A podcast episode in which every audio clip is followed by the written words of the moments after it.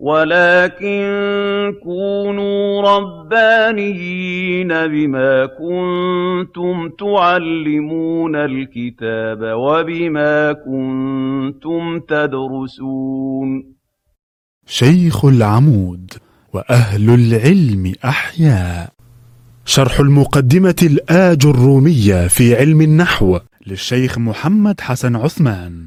المحاضرة الثامنة عشرة. وقد انعقدت هذه المحاضرة يوم الاثنين بتاريخ الثلاثين من أبريل عام 2018 من الميلاد الموافق الرابع عشر من شعبان من عام 1439 من الهجرة.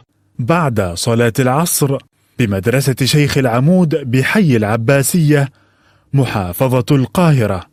بسم الله الرحمن الرحيم الحمد لله والصلاة والسلام على سيدنا رسول الله صلى الله عليه وعلى آله وصحبه ومن والاه يا رب صل على النبي وآله عدد الخلائق حصرها لا يحسب رب أوزعني أن أشكر نعمتك التي أنعمت علي وعلى والدي وأن أعمل صالحا ترضاه وأصلح لي في ذريتي إني تبت إليك وإني من المسلمين إن شاء الله هندرس إيه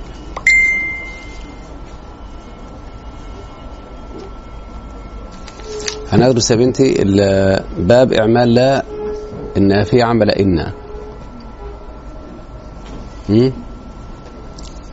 اتفضلي اقرأي كده. اعلم أن لا. معك الكتاب يا ابني؟ اتفضلي. قال اعلم أن لا تنصب النكرات بغير تنوين إذا باشرت النكرة ولم تكرر ولم تكرر لا نحو ولم تتكرر لا.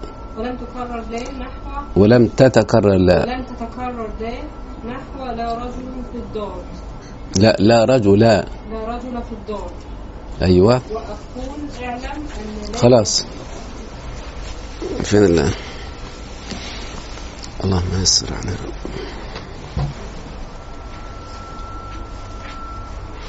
بسم الله الرحمن الرحيم.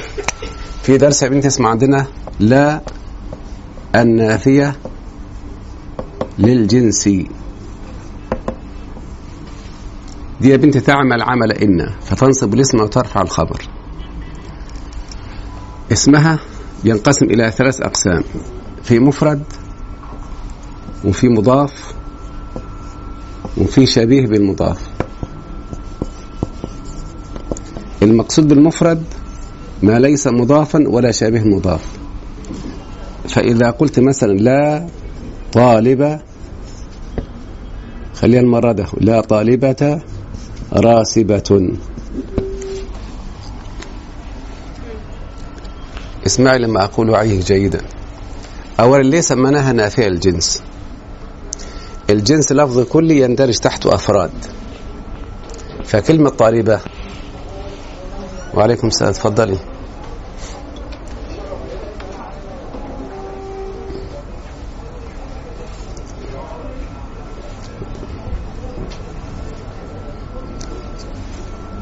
فكلمة طالبة. خلاص يا ندى طيب. بسم الله الرحمن الرحيم. درس اليوم اسمه لا النافية الجنس اسمه يا أولاد ها؟ لا نافية الجنس معنى نافية الجنس يعني تنفي الخبر عن جنس اسمها. فعندما أقول لا طالبة راسبة نفيت الرسوب عن جنس طالبات. فما معنى جنس طالبات يعني عن جميع الطالبات ده اسمها لا نافية إيه؟ للجنس. فدي تعمل عمل إن لكن بشروط. أول شرط أن يكون اسمها انتبهي أن يكون اسمه خبرها نكرتين. هذا الشرط الأول. لأن لو كان اسمها معرفة لا تعمل وتكرر في الكلام. أقول مثلا لا الطالبة راسبة ولا التلميذ ولا التلاميذ. لا الأستاذ موجود ولا الطلاب. يبقى إذا كان اسمها معرفة هما الحكم. أهملت أو بطل عملها وإيه كمان؟ وتكرر في الكلام. الشرط الثاني إن الخبر ما يتقدمش. لو تقدم هيبطل العمل وتكرر. قال تعالى لا فيها غول ولا هم عنها ينزفون. لا فيها غول ولا هم عنها ينزفون. اللهم اجعلنا منهم يا رب. لا فيها يعني خمر الجنة. لا تغتال العقول كخمر الدنيا يعني. فهي أصلها لا غول فيها. أصلها هي بنتي؟ فقدم إيه؟ الخبر. بطل العمل. يعني أنت دلوقتي قاعدة في الفصل صح؟ فلما لا طالبة في الفصل. أو لا في الفصل طالبة ولا مدرس. فهمت؟ بطل العمل. يعني إذا قدمت الخبر بطل العمل. وكمان وتحصل لها؟ وتكرر. خلاص؟ طيب. الشرط الثالث يا بنتي إن لازم يكون النفي للجنس عشان في نفي الوحدة وفي نفي للجنس. النفي الوحدة دي اللي يبقى بعدها اسم مرفوع. ما هو مثلا لا طالبة تن راسبة بل طالبتان.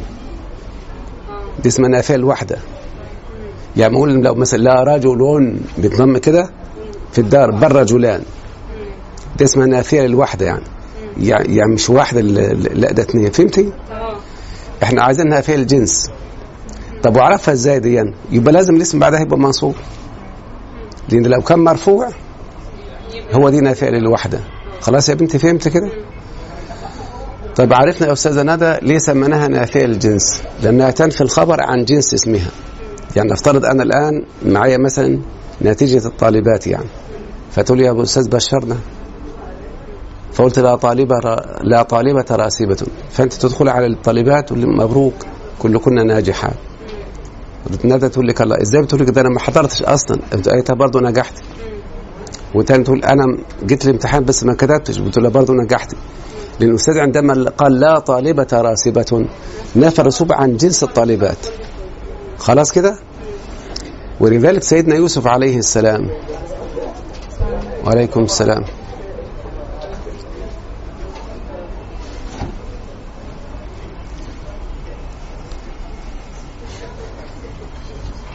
كل مرة نعيد يا خديجة. هنضطر نعيد ثاني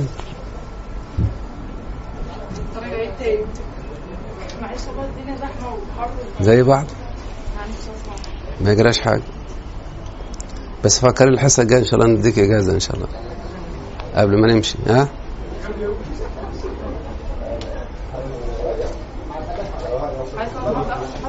لا إن شاء الله خلص النهاردة بأمر الله.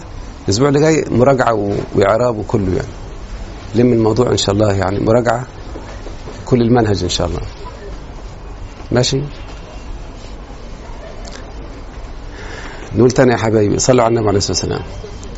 الآن إحنا هندرس حاجة اسمها لا نافيه للجنس اسمها يا أولاد إيه؟ لا نافيه للجنس لما قلنا الدرس اللي عايزين نشرحه يا بنتي اسمه لا النافيه للجنس معنى نافيه للجنس يعني تنفي الخبر عن جنس اسمها. شوف المكتوب يا أستاذ. خليك معايا سيب الكتاب. فلما إذا قلت لا طالبة راسبة. نفيت الرسوب عن جنس الطالبات يعني عن جميع الطالبات.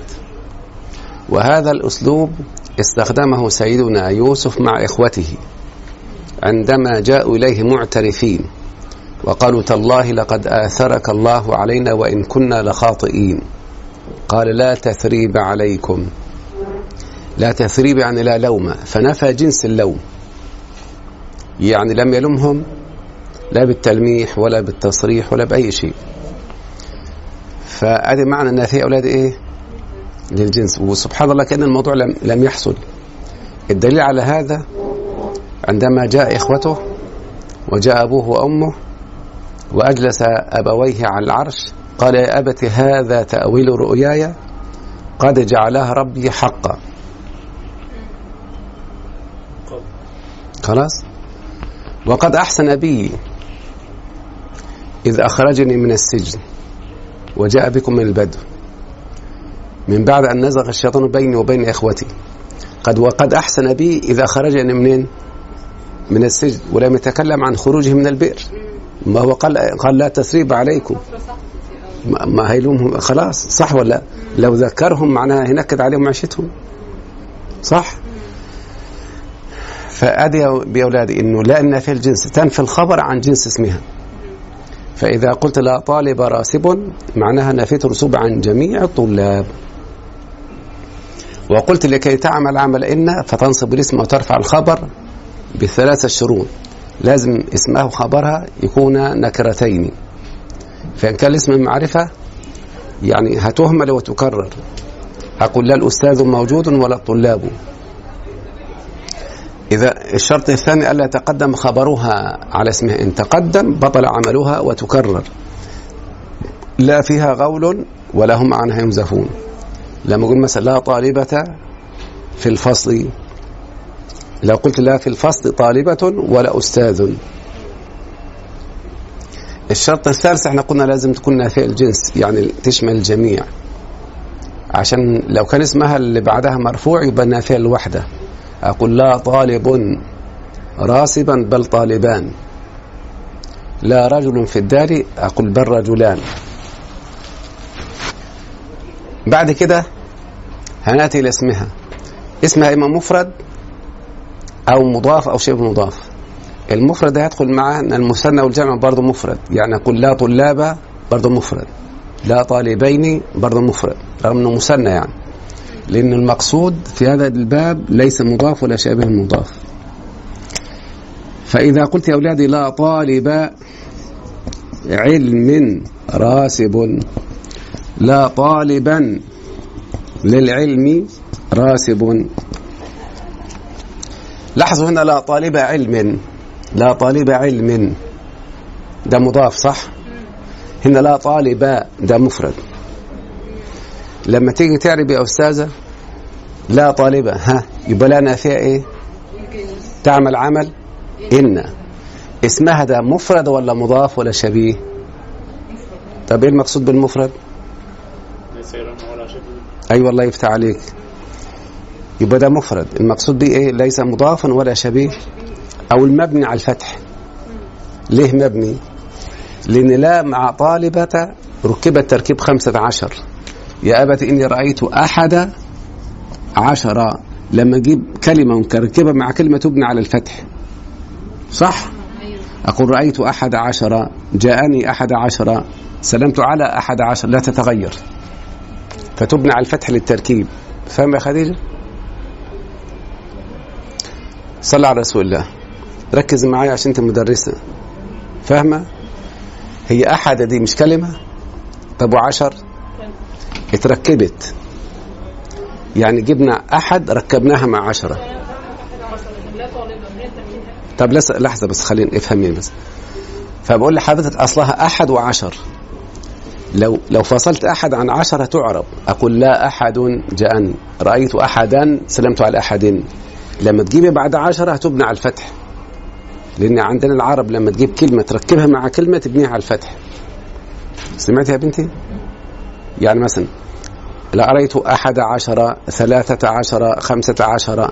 تفكي يرجع الإعراب أقول حضر ثلاثة رأيت ثلاثة سلمت على ثلاثة. فهمت يا أستاذة؟ فده اسمها مفرد. معنى مفرد يعني ليس مضاف لأن المضاف شوفي أدي لا كلمة. وطالب كلمة وعلم كلمة. دول كام يا بنتي؟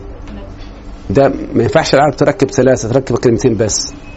طب لا طالبة للعلم. ده اسمه شبيه بالمضاف عشان الاسم المنون ده يحتاج إلى كلمة تتمم معناه. لا طالبا للعلم لا جالسا في الفصل لا طالعا جبلا. وفرق بين المضاف والشبيه بالتنوين. التنوين ده اسمه شبيه بالمضاف. فالمضاف يحتاج مضاف إليه والشبيه يحتاج كلمة تتمم معناه. عشان كده سميناه شبيه مضاف. إذا كان مضاف أو المنصوب بالفتحة. وإذا كان شبيه أو المنصوب بالفتحة. إذا كان مفرد أقول مبني على الفتح لأنه ركب معه تركيب خمسة عشر. ما فهمتيش يا بنتي؟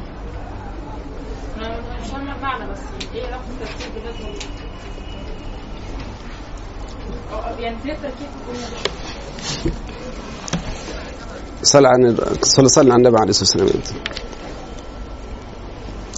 اللهم صل وسلم وبارك على سيدنا يا أستاذة أنت لما تقرأ في أول سورة البقرة. ذلك الكتاب ها؟ لا ريب. هي لا وريب. كم كلمة يا بنتي؟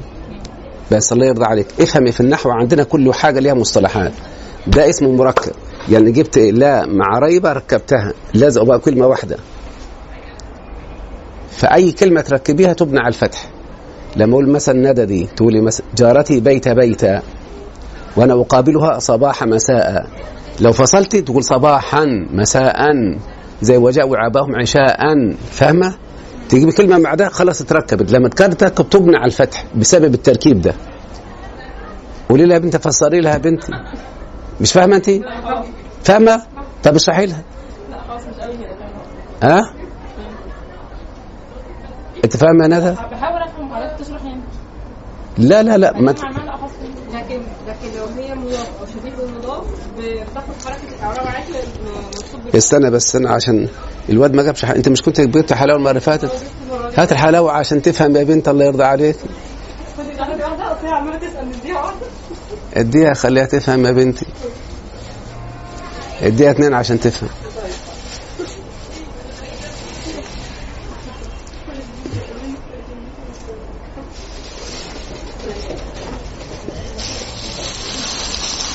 يا خديجة صل على رسول الله.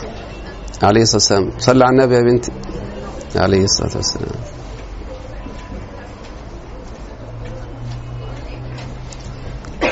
قولي يا بنتي اعربي لي. الفكرة إن أنا يعني أعرف المركب ده بيكون حاجة بتكمل بتكمل حاجة زي 11 12 هنا يعني إيه اللي بيكمل؟ إيه عشان يبقى مركب؟ ما هي لا دي هي نفسها. بص حضرتك لا يعني أحد عشر اعتبرنا لا زي أحد والتانية اسمها زي عشرة.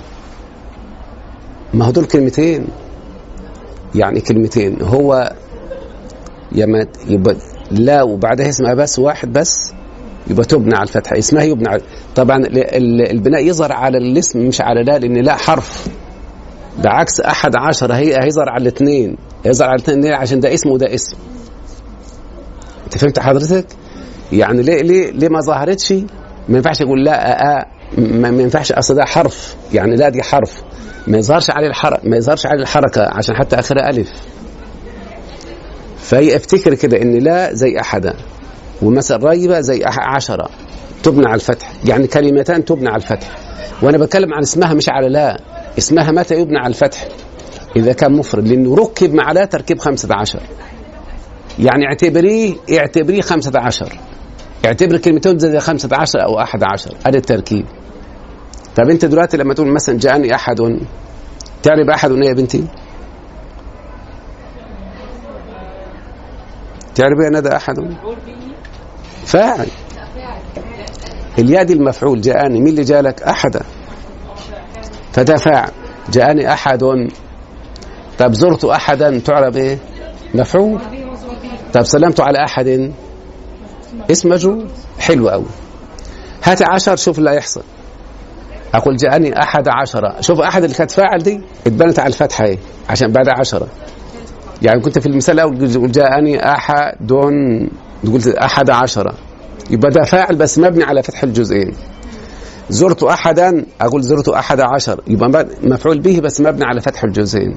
سلمت على أحد أقول سلمت على أحد عشرة. مجرور بس مبني على فتح الجزئين. كده فهمتيها يا بنتي؟ كده وضحت الحمد لله. شفت الحلاوة بتاع المفعول أهو. الحمد لله. المهم يعني إنه اسمها لما يكون مفرد يبنى على إيه؟ لو مضاف وشبيه مضاف يبقى منصوب. ليه؟ لأنه كم كلمة عندنا؟ العرب ما تركبش ثلاث تركب كلمتين بس. بس الحمد لله كده خلصنا من إيه؟ من لا نافع الجنس. المنادى. أدواته يا وأيا وهيا وأي والهمزة سمعني يا أولادي؟ في حاجة ندى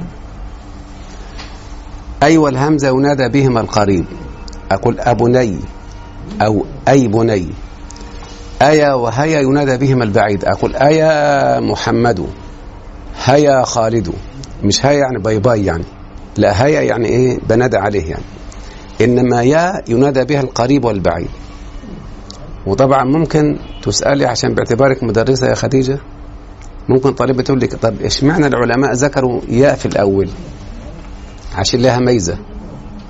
اولا ياء دي ينادى بها القريب والبعيد.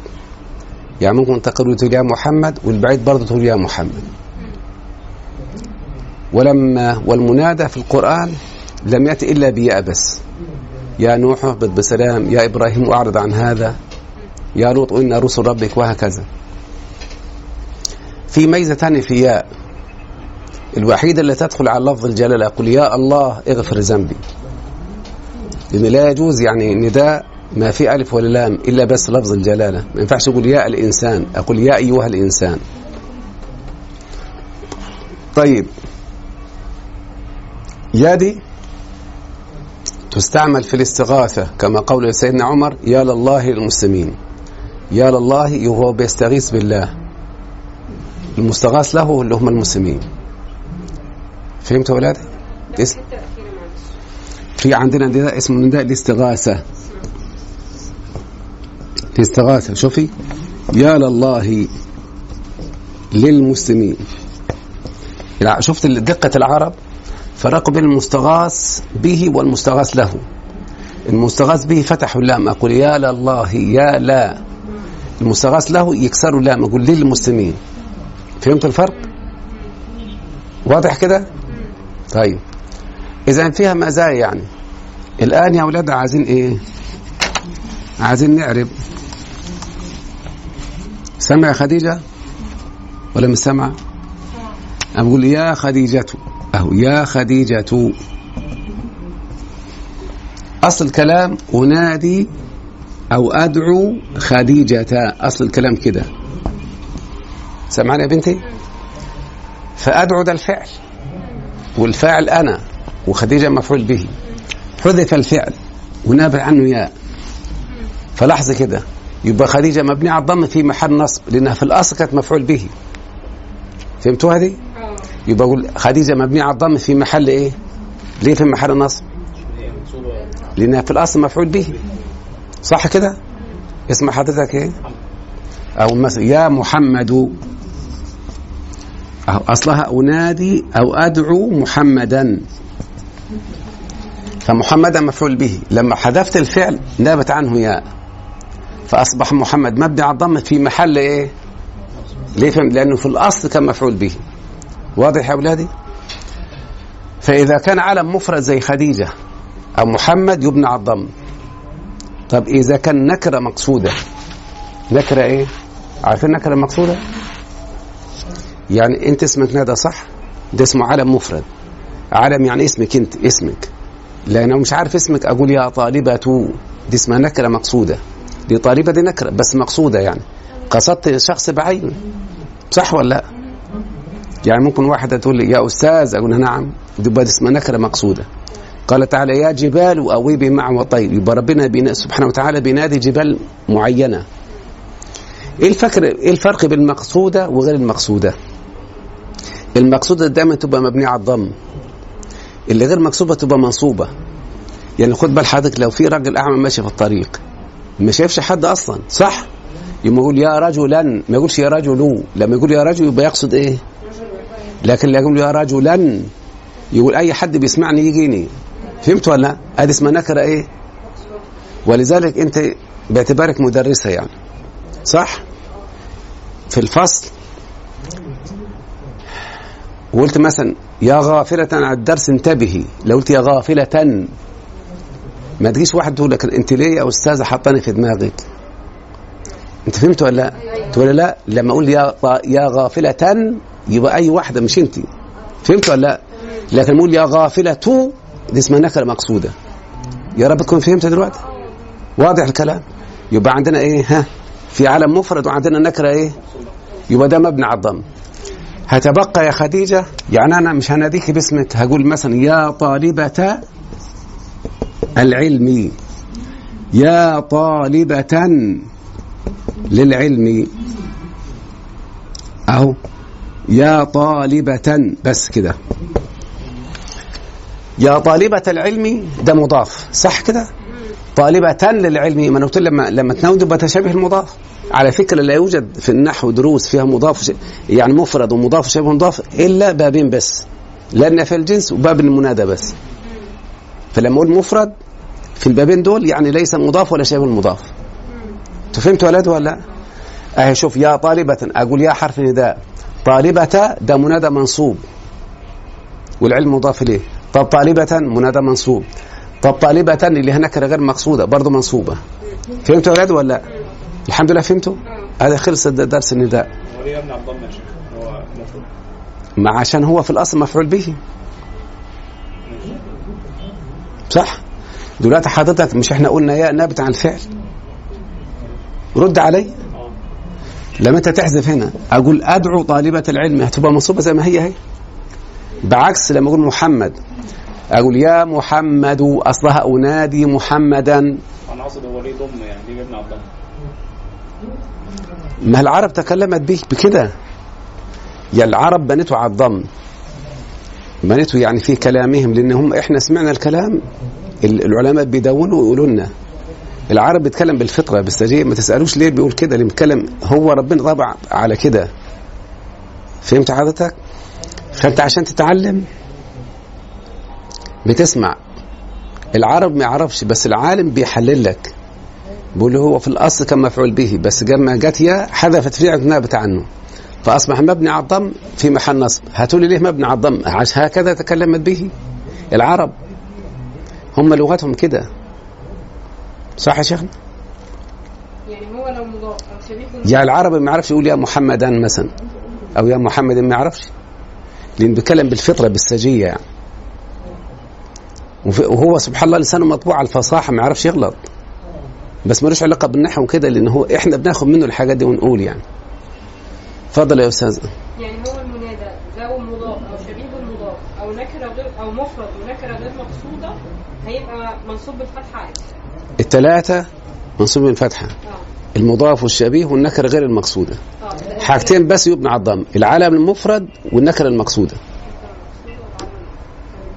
والقرآن وخير دليل. اشوفه أعوذ بالله من الشيطان الرجيم. يا جبال أوبي معه والطير. يا جبال لو دي نكرة مقصودة. فهم ونعرفه ان هو مثلا آه، مبني على الضم في محل نصب. أيوه. لأن هو الشيخ ابن هشام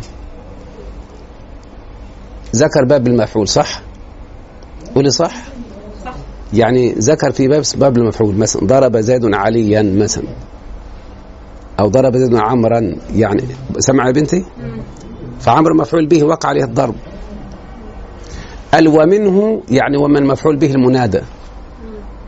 يعني المنادى في الأصل ده مفعول به. فإما لتقرأي قوله تعالى يا نوح أصلها أدعو نوحا. فهمت يا بنتي؟ يبقى هو المنادى في الأصل كان مفعول به. بدليل أنا بقول يا خديجة أصلها أدعو خديجة. وصلت؟ يلا يا بنتي كملي. إيه الدرس اللي بعده؟ امم المفعول له. وهو الاسم المنصوب الذي يذكر بيانا يذكر بيانا لسبب يذكر. يذكر بيانا لسبب وقوع الفعل قول يا أستاذ محمد اقرأ ما قرأته. باب المفعول من أجل وهو الاسم المنصوب الذي يذكر بيانا لسبب لسبب وقوع الفعل. آه. قولك قام زيد مثالا لعمرو الكلام ده فاهمها يا ندى ها؟ طيب. خدي بالك يا ندى. أنا دلوقتي قاعد صح؟ بعد كده قمت كده. فلما قمت قلت قمت لشيخ إج- احتراما. فكان ندى سألتني لماذا قمت؟ فأنا بجاوبها أقول احتراما. ده يبقى, يبقى هو اسم ومنصوب بيبين سبب حدوث الفعل. يعني أنا أقول لك أنا ده إيه اللي جابك هنا؟ تقول حضرت إلى هذا المكان رغبة في العلم. ده بيبين سبب حدود ها؟ أيوة. ما يسموه مفعول لأجله أو من أجله أو لأجله. كلها سمسم يعني. فهم سمسم يعني؟ إيه؟ ها؟ أيوة. ما ما شاء الله ما هي عارفة ال- الأستاذة دي. عارفة برضه. مش أنت عارفة برضه؟ هو بيقولوا عليها إيه ال- الكلمة اللي أنا قلتها دلوقتي. same. أيوة. same؟ أيوة بيقولوا عليها سيم. آه مثل يعني؟ لا يعني مثل يعني. آه same آه. هم بيقولوا same same ولا سمسم ولا بيقولوا إيه بالظبط؟ ها؟ حسب يا مولانا يعني حسب الجملة تبقى عاملة إزاي. ممكن تبقى as as لو حسب الجملة. يعني آه. يعني من- ممكن as as ممكن the same equal equivalent يعني في حاجات كتير حسب الجملة. طيب تمام. المهم انت عرفت يا خديجة. نفترض يا استاذه ندى طيب الكلام اللي قرأتيه ده ما فيش فهمها صح؟ نسبيا يعني. طيب. اسمعي يا بنتي. أختي خديجة رأتك في مكان قريب من الأزهر فقالت لك كيف الوصول إلى الجامع الأزهر؟ فأنت ساعة ما قابلتيها قابلتيها مثلا عند مستشفى الحسين. فاهمين؟ قالت لها شايفة يا خديجة السور ده؟ تقول لك إيه شايفاه؟ تقول لك امشي مع السور. في نهايته هتجد المسجد. فهمت ولا لا؟ امشي مع السور. فأنت هتقول إيه؟ مشيت والسورة أنت تمشي السور ما يمشيش. عشان كده بنسميه مفعول معه. فهمت ولا لا؟ أقول مش- مسيت والنيل. أنا أمشي النيل ما يمشيش أنت واخد بالك ولا لا؟ يبقى النيل ده أو السور اسم ومنصوب مسبوق بواو اسم اسمها واو المعية. اسمها واو إيه يا بنتي؟ المعية. يعني بمعنى مع يعني يبقى اسم منصوب مسبوق وعليكم السلام. مسبوق بواو المعين ولازم يكون قبله جملة فعلية مشيت أو أنا ماش والسوره أنا ماش والطريق. هو ده المفعول معه وذلك القرآن بيقول إيه؟ فأجمعوا أمركم وشركاءكم. يعني أجمعوا أمركم مع شركائكم. يبقى أستاذة خديجة المفعول معه خد بال حضرتك. اسم. ركزي معايا وبعد اكتبي. اسم منصوب مسبوق بواو بمعنى مع. قبل الواو جملة فعلية. يعني لما ندى قالت لك أنت عايزة تروحي فين؟ شافاك تايهة. أنا عايزة أروح الأزهر. آه طيب بسيطة. شايفة السور اللي قدامك ده؟ تقول لها شايفاه. تقول لك امشي مع السور. في نهايته هتجد المسجد الأزهر.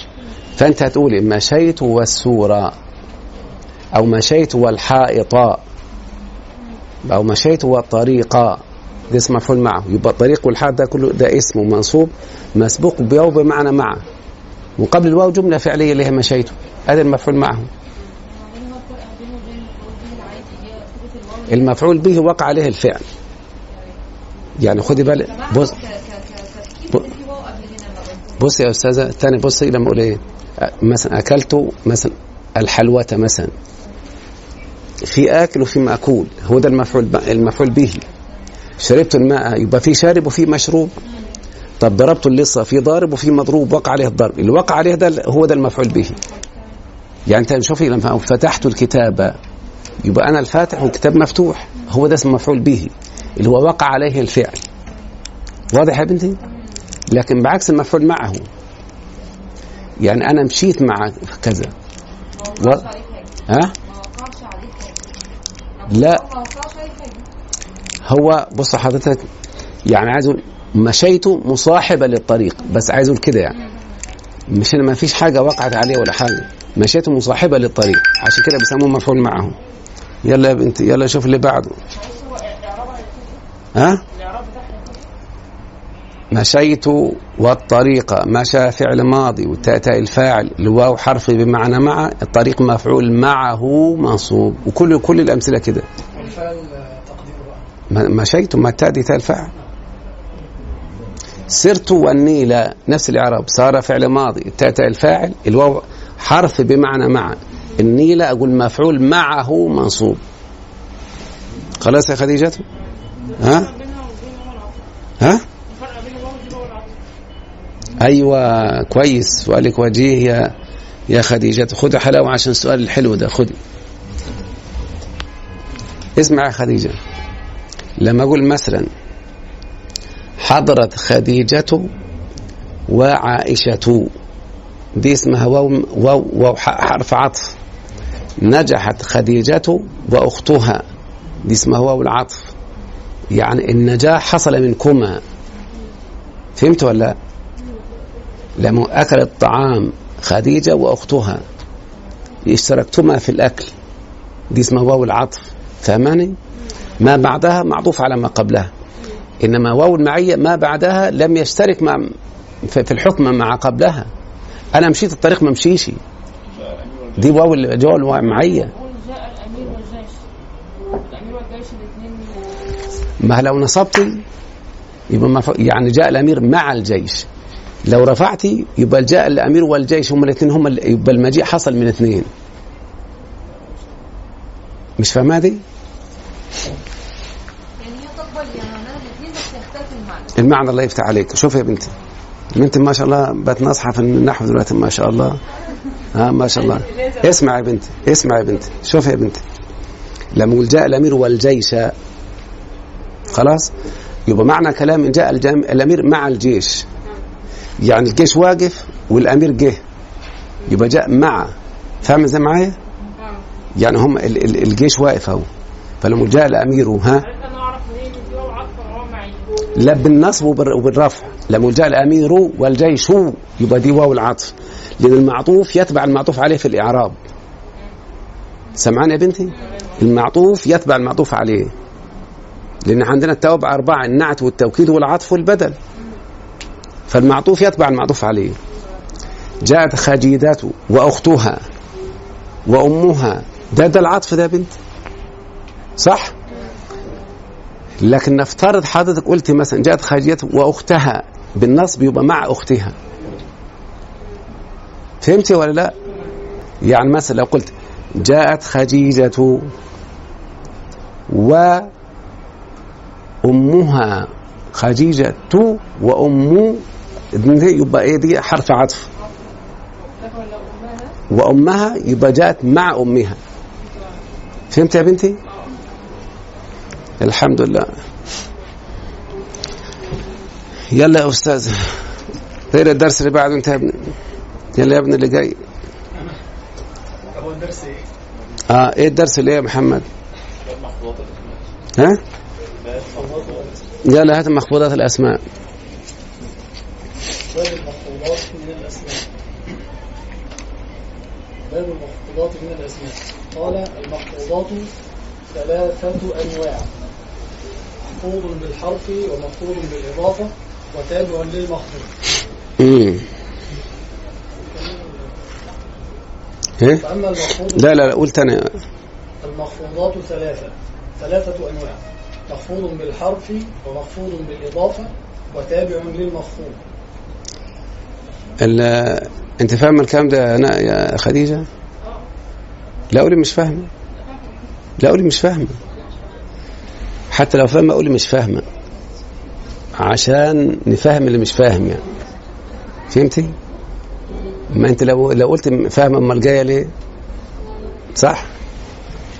صلوا على النبي وقول عليه الصلاة والسلام في أولاد مخفوض خد بالحرف بالحرف كتبت بالقلم يبقى مخفوض بالحرف سلمت على المدرسي صح ولا لا؟ يبقى المدرس مجرور بالحرف اللي هو.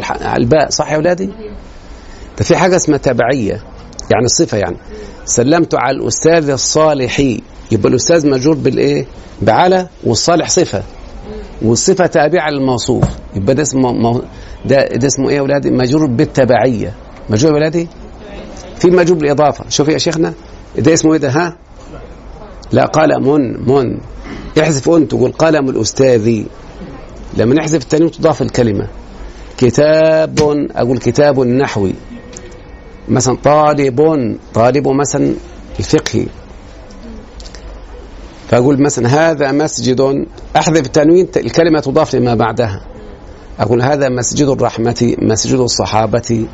فهمت ولا؟ لا؟ يبقى الاسم إما أن يجرب الحرف أو بالإضافة أو بالتبعية. والثلاثة موجودين في البسملة. يعني اسم مجرور بالباء. ده باسم الله لفظ الجلال مجرور بالإضافة. الرحمن الرحيم صفة للفظ الجلالة. يبقى يبقى الثلاثة موجودين في البسملة. واضح يا خديجة؟ ولا مش واضح؟ سهلة يا بنتي؟ يبقى المجرور بكام ها؟ المجرور أنواعه كام؟ يا إما مجرور بالحرف أو بالإضافة أو بالتبعية. والثلاثة موجودة في البسملة. طبعا المخفوض بالحرف هو ما يخفض بمن وإلى وعن وعلى وفي. هو ذكر حروف الجر يا أولادي. اولا من تفيد الابتداء وإلى تفيد الانتهاء. لما يقول جاء محمد من بيته وذهب إلى مثلا جامعته. يبقى من تفيد الابتداء؟ ابتداء الخروج يعني. وإلى تفيد الانتهاء. أسرع بعبد ليلا من المسجد الحرام إلى المسجد الأقصى. يبقى من تدل على ابتداء الإسراء وإلى تدل على الانتهاء. صح؟ وبعدين عن تفيد المجاوزة خدوا بالكم اهو ده رميت الإيه؟ السهم عن القوس. ده يفيد المجاوزة يعني لما مجرد السهم جاوز فهمت ولا لا؟ المجاوزة دي البعد يعني. يبقى يفيد إيه؟ اسم المجاوزة. وبعدين في على على تفيد الاستعلاء وعليها وعلى الفلك إيه؟ تحملون. ها؟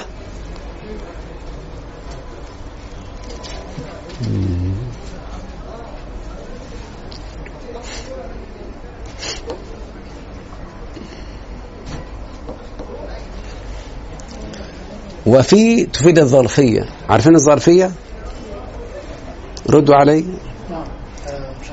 أشوف القلم في جيبي. بص شوف في إيه إيه شوف شوف القلم في جيبي. يعني في حاجة بتحويها يعني. ما عندنا ظرف ومظروف يعني أنت لما تكتب رسالة مش بتكتبها بظرف طب ما الظرف ده حوى الرسالة فهمت ولا لا؟ لما أقول مثلا مثلا خديجة في الفصل. الفصل ده احتواكي يعني. يعني في أربعة أركان بتحتويكي ادي ركن وركن وركن وركن. عشان كده بيسميها إيه؟ الظرفية. يعني كأنك وضعت شيء في الظرف. فهمت ولا لا يا أولادي؟ إيه اللي بعد كده؟ ها؟ ها؟ رميت السهم عن القوس. المجاوزة دي إما حقيقة وإما مجازا. الحقيقة يعني ترمي حاجة تبعد عنك. ده اسمها المجاوزة. يعني السهم جاوز الم... جاوز جاوز الم- المكان اللي انت فيه. ابتعد يعني. ما شفتيش اللي بيضرب بالنبلة كده يا بنت ولا؟ يعني يقول مثلا رميت السهم عن القوس. يبقى عن بمعنى المجاوزة. يعني السهم خرج خرج وابتعد. فهمت يا ولاد ولا لا؟ المجاز لما يقول أخذت العلم عن فلان. دي دي, دي مجاز يعني مش فاهم إزاي؟ يعني العلم أخذت منه؟ يعني كأنه موجود عنده وأنا أخذته منه يعني فالعلم ابتعد عن ده جنانا يعني.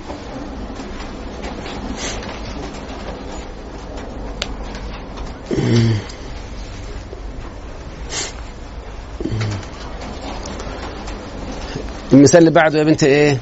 رب رب دي تفيد التقليل أو التكثير. ردوا عليا سامعني؟ التقليل زي إيه؟ رب اخ لك لم تلده أمك. دي تبقى رب تفيد التقليل رب اخ لك لم تلده أمك. أقول رب مولود ليس له والد. طب في الكون ده حصل كم مرة؟ مرتين. مع سيدنا عيسى وسيدنا آدم. لما يقول رب مولود ليس له والد يبقى ده قليل ولا كثير؟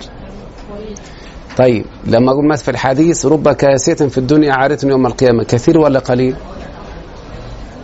كثير. طب رب صائم ليس له من صائم إلا الجوع والعطش. قليل إزاي؟ ما تبقى في ناس صايمة وما بتصليش. في ناس صايمة ومثلا تغتاب الناس أو تشهد زور أو تكذب في الحديث. فيبقى حتى في إفطار معنوي مش افطار حسي. ملوش صيام. فهمت يا شيخنا؟ أما الكاف تفيد التشبيه وتجر. أقول هند كالبدر أو كالقمر. التشبيه حرف جر وتشبيه يعني. واللام من معانيها الملك يعني لله ما في السماوات يعني ما في السماوات ملك ملك الله. خدوا بالكم من شوفوا الكتاب لمحمد يعني ملك محمد. سمعتوا يا أولاد ولا؟ لا؟ لما يكون ال- الحاجة مش عاقلة بيسموها شبه الملك لما يقول الباب للفصل. فهمت ولا لا؟ ده اسمه شبه لأن لأن الفصل ما بيملكش. فاسمه ده مختص يعني يعني الباب مختص بالفصل. طيب إيه اللي بعد كده يا أولاد ها؟ حروف القسم ثلاثة الواو والباء والتاء. والله تالله بالله. الثلاثة دول اسمهم حروف قسم. عرفت يا خديجة؟ يبقى والله تالله بالله. إيه اللي بعد كده؟ يلا ها؟ واو رب عارفين واو رب دي؟ رب رجل صالح لقيته. اولا عايزين نعرف يا أولاد رب أسمى حرف جر شبيه بالزائد. لأن عندنا حرف جر أصلي وزائد وشبيه بالزائد. الأصلي ببساطة لو حذفت الكلام يختل ما يستقيمش. لما جلست على الكرسي. لو حذفت على ينفع ينفع أقول جلست الكرسية هذا اسمه حرف جر اصلي بس في النحو بنقول ليه معنى ويتعلق بالفعل. لأن معناها الاستعلاء وتعلق بالفعل يعني هو اللي وصل الفعل للكرسي. أقول جلس الأستاذ على الكرسي. لو ما جبتش على دي الفعل هيقف عند الأستاذ ما ينفعش يتعدى. ما ينفعش يقول جلس الأستاذ الكرسيه يبقى على دي لها معنى. معناها الاستعلاء وبعدين ليها تتعلق بالفعل. يعني هي اللي وصلت الفعل إلى إلى كل كلمة الكرسي. الحز الحرف الجر الزائد ملوش معنى ولا يتعلق. إزاي اعرفه لو حذفته الكلام يستقيم. فعندنا مثلا الباء تأتي زائدة في خبر ما وليس. أقول ليس محمد بمذاكر. اللي هو الود اهو أصل كلمه ليس محمد مذاكرا. لأن ليس من أخوات كان. فهمت ولا لا؟ لو تحذف الباء الكلام يستقيم. أقول ليس طب أمال هو جات لي الباء عشان تفيد الكلام توكيد. وما ربك بغافل أصلا وما ربك غافلا. لست عليهم بمسيطر لست عليهم مسيطرا. فهمتوا؟ يبقى الحرف الزاد لو حذفته الكلام إيه؟ يا أولاد ردوا يا أيوه كده. رب دي خدنا حاجة من الزاد وخدنا حاجة من الاصلي رب لها معنى اللي هي التقليل. صح؟ أو التكسير. بس ما تتعلقش. عشان كده سميناها حرف جر شبيه بالزائد اللي بعدها يا أولاد يبقى مبتدأ. طب إزاي ده رب رجل أقول ما هو مبتدأ؟ مجرور لفظا لكن مرفوع محلا. فهمتوا؟ مش عارفة مجرور لفظا مرفوع محلا؟ طيب. اسمع يا بنتي. كفى بالله شهيدا. خد بس ساعات أصل كلام كفى الله شهيدا. كفى الله. كفى فعل إيه؟ ردوا علي. فعل إيه؟ طب الله فاعل. طيب لما نقول كفى بالله طب ما هو نفس الجلاله لفظ الجلاله فاعل. بس مجرور لفظا بسبب الباء لكن مرفوع محلا. فهمتي؟ بحيث لما أحذف حرف الجر يرجع للرفع. عشان كده قاعد مجرور لفظا في اللف... في البق بس في اللفظ. فهمتوا ولا لا. ولذلك مثلا مثلا بص يا بنتي لما تقولي حسبك درهم حسبك حسبو ده مبتدأ. لما أقول بحسبك ما هو برضه مبتدأ. بس مبتدا مرفوع إيه؟ مجرور إيه يا ولاد؟ ها؟ لكن مرفوع بحيث لما أحذف يرجع الإعراب. أه بص يا بنتي لحظة كده لحظة كده. احذف رب دي أهي. تقول رجل صالح لقيته. صح ولا؟ رجل فهمتوها؟ لما دخلت رب جرته. يبقى هو مجرور في اللفظ مرفوع في الايه؟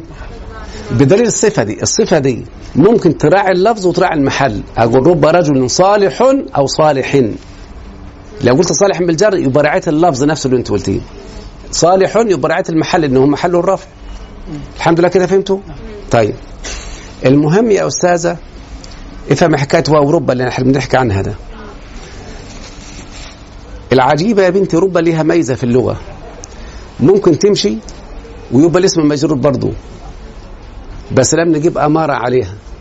الشاعر اللي هو من القيس قال وليل كموج البحر أرخى سدو ألخى سدوله علي بأنواع الهموم ليبتلي وليل. ساعة ما أقول وليل أصلا هو رب ليل. فحذفنا جبنا ربا وجبنا الواو. دي اسمها واو ربا. يعني بقول لك انتبه خلي بالك في واو في ربا هنا موجودة. طب إزاي اعرفها هتيجي بعد الواو اسم مجرور. اوعى التبس عليك بالقسم هو مش بيحلف بالليل. لما يقول والله والفجر والتين ده قسم. إنما ده اسم مجرور عادي. فاهم يا بنتي؟ ولازم اللي إيه؟ الحكم عليه يكون معرفة؟ لا. صح كده؟ لا لا لا. لازم يبقى مدخول ربا نكرة. لا أنا قصدي عفوا. بعديها كذا. يعني بص حضرتك الثانية بيبقى إيه في الغالب؟ اسم معرفة والله والتين والفجر اسم معرفة هو. إنما دي دايما بيبقى اسم نكرة بعدها. وبقى مفيش قسم مش مش مش, مش بيحسب بالليل. بيقول وليل كموج البحر بيخبر عن نفسه يعني. يعني معناها رب ليل. حذفت رب وجات الواو دي. الواو دي اسمها واو رب. المحذوفة يعني.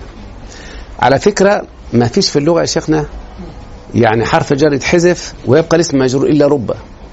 أنا دلوقتي جالس على إيه؟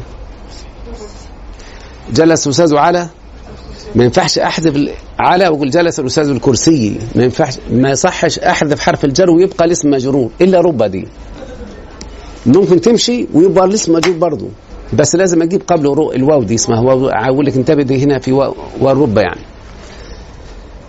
أما منذ منذ يا أولادي مختصان بالظرف. سمعان يا خديجة؟ يعني ممكن ندى تقول أنا لم أرى خديجة منذ يوم الجمعة منذ يومي.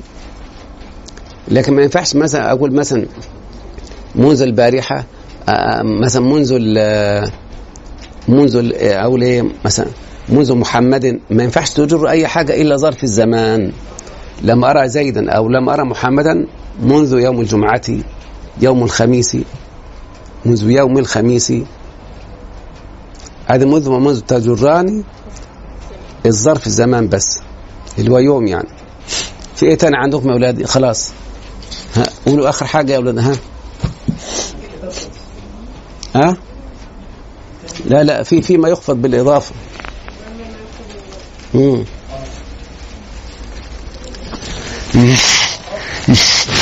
يا بنت لا ما بالإضافة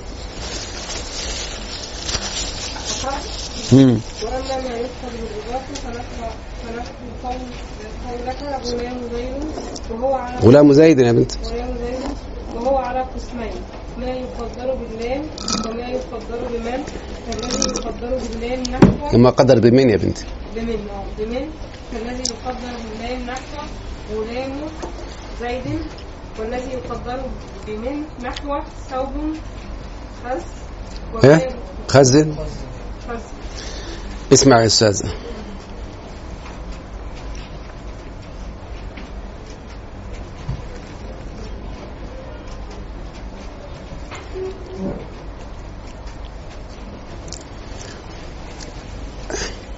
أختنا ندى بتقول يا أستاذ الجلابيه دي.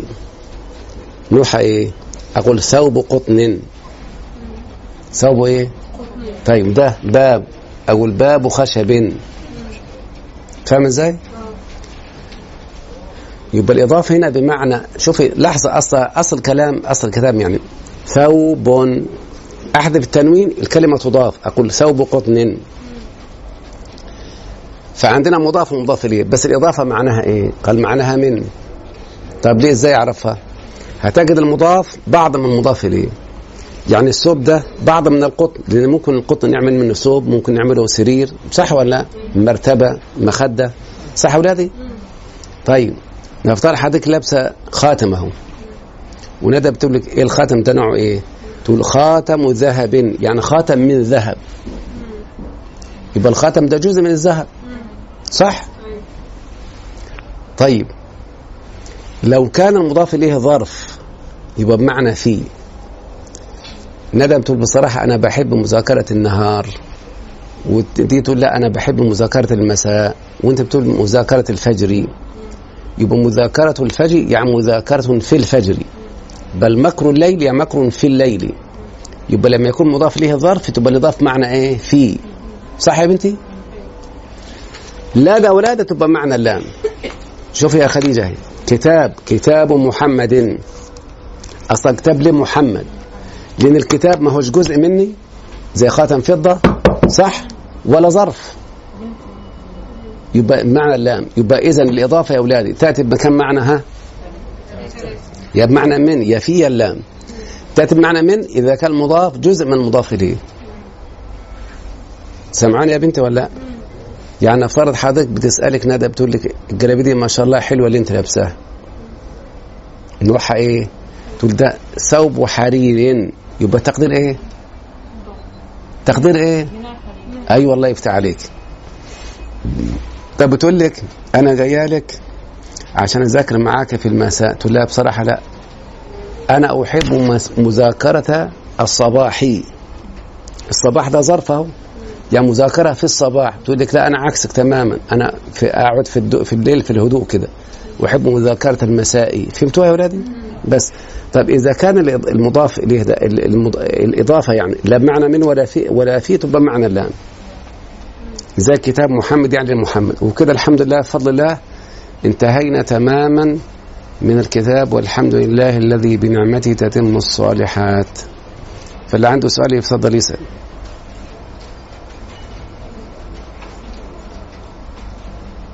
آه، ممكن حضرتك تشرح المنادى تاني إحنا قلنا المنادى يا أولادي يا شيخنا؟ يأتي على خمسة أنواع. أنت اسمك إيه؟ رجب. رجب ده اسمه علم مفرد.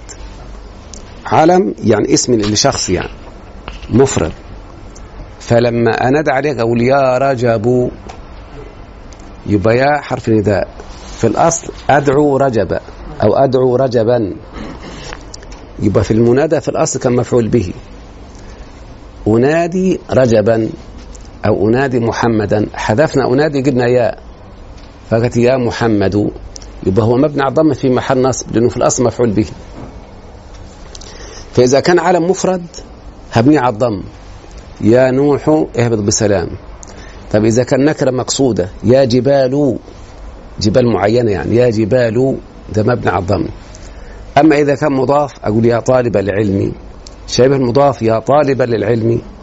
نكرة غير مقصودة يعني مخصوص شخصك. أقصد أي حد. أقول يا طالبا أي حد يعني. يبقى في الثلاثة دي تبقى منصوبة على الفتح. منصوبة بالفتح هذا أنواع المنادى. قول يا خديجة عندك إيه؟ مفيش أسئلة؟ لا ما أنت لازم تحضر أسئلة كتيرة. أيوة يا بنتي يعني مفتاح العلم السؤال. كل ما تسألي كتير كل ما تعلمي عندك أسئلة ندى؟ ولا أنت يا أستاذة؟ فيها اسم هم؟ آية آية في القرآن أولئك في جنات مكرمون هم؟ أولئك في جنات مكرمون مكرمون هنا طارق خد حلاوة يا ابني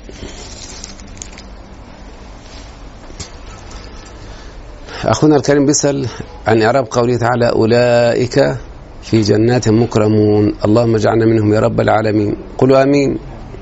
مش عايزين تدخلوا الجنة؟ ما تقولوا آمين. آمين. أولئي ده اسم إشارة مبني على الكسر في محل رفع مبتدأ.